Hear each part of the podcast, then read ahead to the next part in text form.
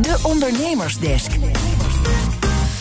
Genoeg ondernemers die betekenisvol bezig zijn of een maatschappelijk probleem oplossen. Maar gaat dat wel samen met groeien en winst maken? Dat hoor je in de ondernemersdesk groeien van Lotte Elbrink, die voor het eerst en jarig is en op de radio is. Gefeliciteerd. Dankjewel. Gaat dat een beetje samen? Is dat een goede combinatie? Ja, stop. Helemaal omdat ik die ondernemersdesk vandaag natuurlijk weer mag dat eh, ik wel. presenteren. Ja, ja, zeker. Waar wil je het eigenlijk in principe precies over hebben? Ik heb net een inleiding gedaan, maar jij weet er meer van. Ja, of eh, winst maken en eh, nou ja, sociaal ondernemer eigenlijk samen gaat. Eh, in principe zou dat moeten kunnen. Veel ondernemers zijn van nut voor de samenleving en ook goed voor hun personeel. Maar het lukt ze vaak nog niet om dat te combineren, eh, dat sociaal ondernemerschap te combineren met ook echt genoeg geld verdienen. Pieter van Os is de oprichter van Scale-up Impact.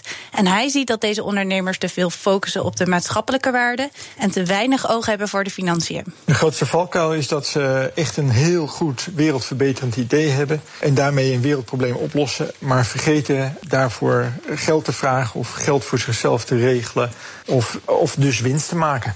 Ze maken wel purpose, maar geen winst. En dat is nooit een lange termijn strategie, want op een gegeven moment is het game over.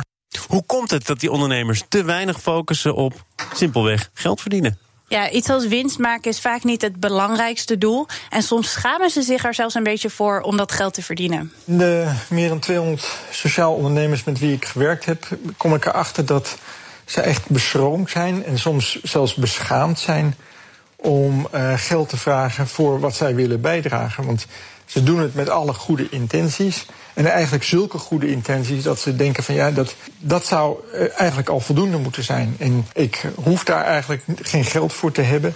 En soms denken ze zelfs van ik mag daar niet eens geld voor vragen.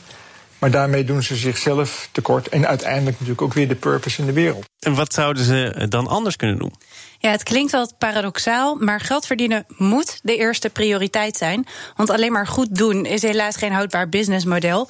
Op een gegeven moment is het geld op en kun je bijvoorbeeld geen mensen meer aannemen of investeringen doen. En dat remt natuurlijk de groei, maar ook de impact die je maakt. Je moet beginnen met winst. Uh, en, en, dat heeft te maken met dat je winst maakt en geld verdient. Waarmee je alle randvoorwaarden kunt creëren om die purpose goed te maken. En die randvoorwaarden zijn onder andere dat je, al is het een, laag salaris, maar dat je in ieder geval een salaris krijgt. Dat je mensen om je heen kunt verzamelen. Dat je kunt investeren in het ontwikkelen van een goede strategie. Dat je misschien een kantoorruimte moet hebben. Weet je, er zijn allerlei dingen die je moet regelen. Die geld kosten, want zo zit onze wereld in elkaar. En dat is ook helemaal prima.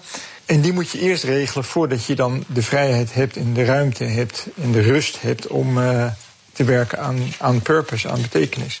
Is het überhaupt mogelijk om op allebei tegelijk te focussen? Ja, het kan zeker allebei tegelijk. Maar het gaat er dan wel om dat je de juiste balans vindt. En dat kun je doen door ze om en om aandacht te geven. De juiste balans vind je door de focus steeds af te wisselen. Bijvoorbeeld in een kwartaalritme. In dit kwartaal stellen we dan de winst belangrijk en zorgen dat we, dat we onze factuurprocessen op orde hebben, dat we onze waardepropositie goed hebben. En volgend kwartaal zetten we de purpose weer centraal. En dan zorgen we dat we de goede partnerships sluiten, et cetera. Ja, wat ook helpt is de strategie heel goed uitwerken, zodat iedereen weet wanneer er aan purpose wordt gewerkt en wanneer aan winst. En daarnaast heb je in de uitvoering van die strategie een flinke dosis discipline nodig. Vaak wordt er gezegd, ja, maar die discipline dat, uh, dat, dat beperkt. Dat beperkt de creativiteit, dat beperkt hoe snel we kunnen inspelen op, uh, op veranderingen. Maar eigenlijk blijkt het juist omgekeerd te zijn. Namelijk, discipline maakt je vrij. Als je echt discipline in je organisatie hebt, dus je weet wat je moet meten, uh, je hebt een overlegritme en je hebt de goede prioriteiten, dan zit iedereen werkelijk op dezelfde pagina. En dan is er, is er minder ruis en minder gedoe bij, uh, bij de uitvoering. En dat geeft weer de mogelijkheid om te werken aan purpose, met rust in je hoofd.